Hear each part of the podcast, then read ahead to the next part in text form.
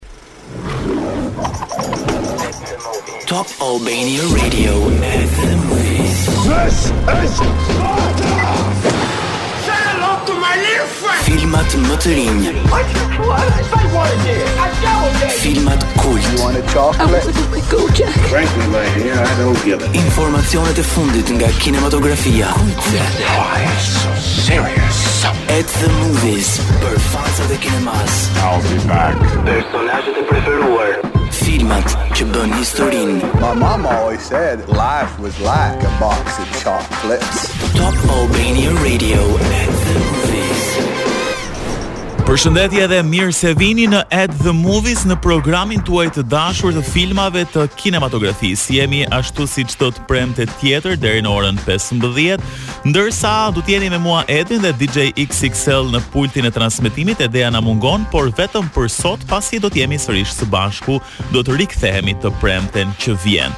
Sot do të flasim për disa gjëra në program, për disa të reja nga kinematografia dhe për disa seriale të cilat janë publikuar së fundmi, disa sezone që janë rikthyer, por edhe disa prodhime të reja të cilat kanë tërhequr vëmendjen e publikut. Kemi një premierë, por shumë interesante që vjen në Cineplexx, si dhe muzikë të përzgjedhur nga kolonat zanore të filmave. Do ta nisim sot programin me shumë energji pasi kolona zanore që do të vijë tani i përket filmit i cili vjen si premierë këtë javë në Cineplexx, Bëhet fjalë për Whole Lotta Love nga Led Zeppelin. Rikthehemi sërish në program, tashmë është koha për të folur për premierën e re e cila mbërrin këtë javë në Cineplexx. Titullohet Dungeons and Dragons Honor Among Thieves, një film i zhanrit aventurë fantazi trailerin e të cilit e ndjekim tani. Here's the thing. We're a team of thieves. Një bashkëpunim mes gjashtë regjisorësh. We helped the wrong person steal the wrong thing. A do të arrijë një hajdut dhe një grup aventurierësh? We didn't mean to unleash the greatest evil the world has ever known. Të gjejnë relikën e humbur dhe të mposhtin çdo pengesë? Ëh, uh... Figure it out over a drink? Probably best. Dungeons and Dragons. This one's dangerous. Honor among thieves. But whatever happens, we'll be ready. Në Cineplexx TEG dhe QTU. E zbuluat pak nga traileri se për çfarë bën fjalë ky film. Megjithatë, është një hajdut simpatik dhe një grup aventurierësh, të cilët nisin një kërkim epik për të zbuluar një relikë të humbur prej kohësh. Por aventura e tyre merr një kthesë të rrezikshme, siç e dëgjuam edhe në trailer kur ata përplasen me njerëzit e gabuar. Dhe këtu fillon gjithçka, fillon aventura e filmit dhe sigurisht egoja për ta zbuluar atë relikë të humbur prej kohësh. Interesant është fakti që përveç se ky film ka bërë bashkë gjashtë regjisorë, ka risjellë uh, sërish në ekranin e madh Aktorë si Chris Pine e Michelle Rodriguez. Chris Pine e kemi parë në Wonder Woman edhe ka një performancë të ngjashme duke u nisur edhe nga veshja dhe sigurisht Michelle Rodriguez shumë e dashur për të gjithë tek Fast and Furious apo tek Avatar, kështu që me siguri kjo dyshe do të na pëlqejë shumë në këtë film aventurë Nga aq sa pashë um, trailerin, duhet thënë edhe disa pjesë të tjera nga filmi, uh, bota e këtij filmi është mjaft interesante, do të shihni me të vërtetë pamje të jashtëzakonshme, uh, sigurisht um, fantastiko shkencore, por edhe një ambient shumë interesant i cili do t'ju shkëpusë, po themi nga realiteti ynë edhe do t'ju çojë në një realitet tjetër. Mirë, shkojmë tani tek një këngë e cila vjen si kolonë zanore e një filmi gjithashtu shumë interesant. Të titulluar The Beach. Pse? Sepse pas pak do të flasim për filmat më të mirë të aktorit shumë të dashur për të gjithë ne Leonardo DiCaprio. Okej, nën këto ritme të Mobyt me këtë këngë shumë interesante do të shkojmë tani tek filmat më të mirë të Leo DiCaprios. Në fakt, um, është aktori im i preferuar dhe gjithmonë kam dashur të bëj një top 10-she për filmat e tij që besoj shumë prej nesh i kanë parë. Dhe ndoshta janë disa prej tyre, disa performanca, performanca të cilat ju mund t'i keni humbur, kështu që është momenti për t'i zbuluar tani top 10 filmat më të mirë të DiCaprios. E nisim me një film të vitit 93 që titullohet What's Eating Gilbert Grape. Nuk është filmi më i mirë në të cilin luan DiCaprio, por është roli ndoshta më mahnitës që ka luajtur ndonjëherë, pasi um, luan rolin e një djali që është autik. Është uh, filmi më i lezetshëm do të thoja në të gjithë kinematografinë e Leos. Madje po të futeni në rrjetet sociale, në TikTok, shumë prej videove të shkëputura nga filmi janë bërë edhe virale në TikTok apo rrjete të tjera sociale. Johnny Depp është në rolin kryesor, por filmi duhet thënë se i takon DiCaprios. Um, fansat e tij besoj e kanë parë, por Për të gjithë ata që ende nuk kanë mundur ta shikojnë What's Eating Gilbert Grape, nuk duhet ta humbasin këtë interpretim fantastik të DiCaprios në një moshë shumë shumë të re. Kalojmë tani tek The Departed i vitit 2006. Është një nga kryeveprat absolute të Martin Scorsese dhe filmi më i mirë i dyshes. The Departed me një kast aktorësh më në zë e regji e skenar fantastik, Sjell DiCaprion në një nga rolet më normale ndonjëherë, por aktrimi i tij perfekt e ka bërë këtë film që të jetë shumë interesant dhe gjithashtu e bëri DiCaprio-n vetë të afirmohet si një nga aktorët më të njohur të Hollywoodit.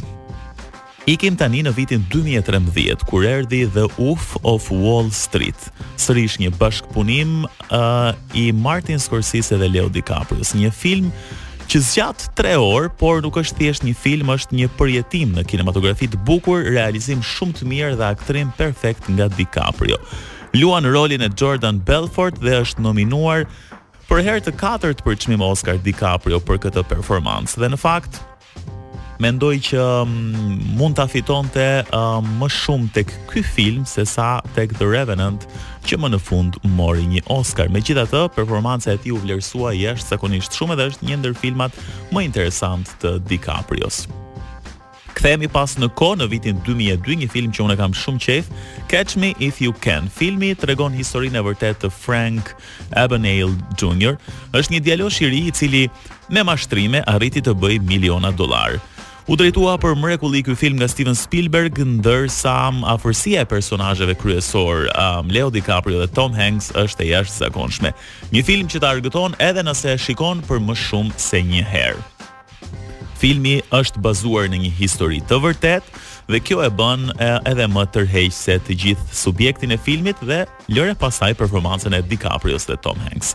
Shkojmë në vitin 2012 ku vjen Django Unchained, është një film i Quentin Tarantinos. Leon këtu e shohim në një rol dytësor, por të realizuar për mrekulli.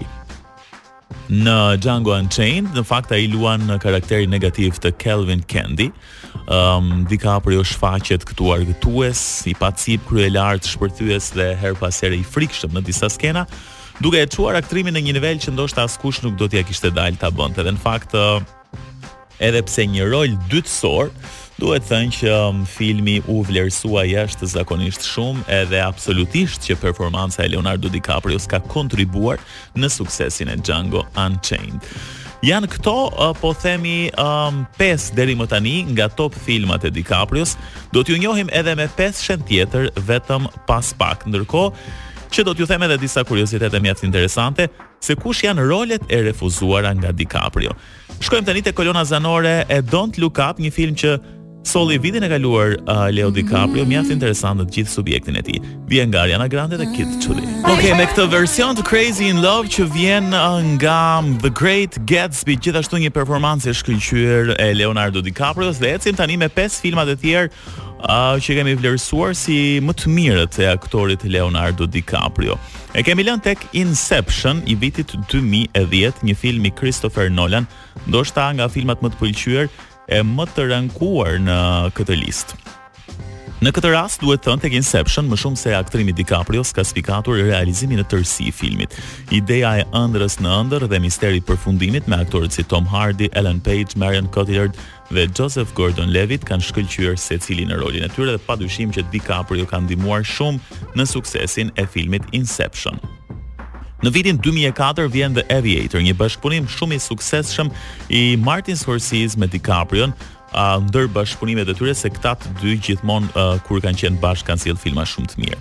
The Aviator është një dramë biografike e gjeniut Howard Hughes, Luajtur nga Leo DiCaprio.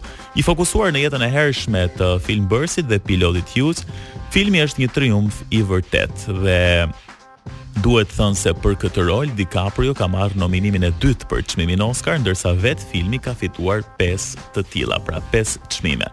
Shkojmë në vitin 2008 me Revolutionary Road. Filmi ka bërë përsëri bashkë dyshen e, e Titanikut, Kate Winslet dhe Leonardo DiCaprio.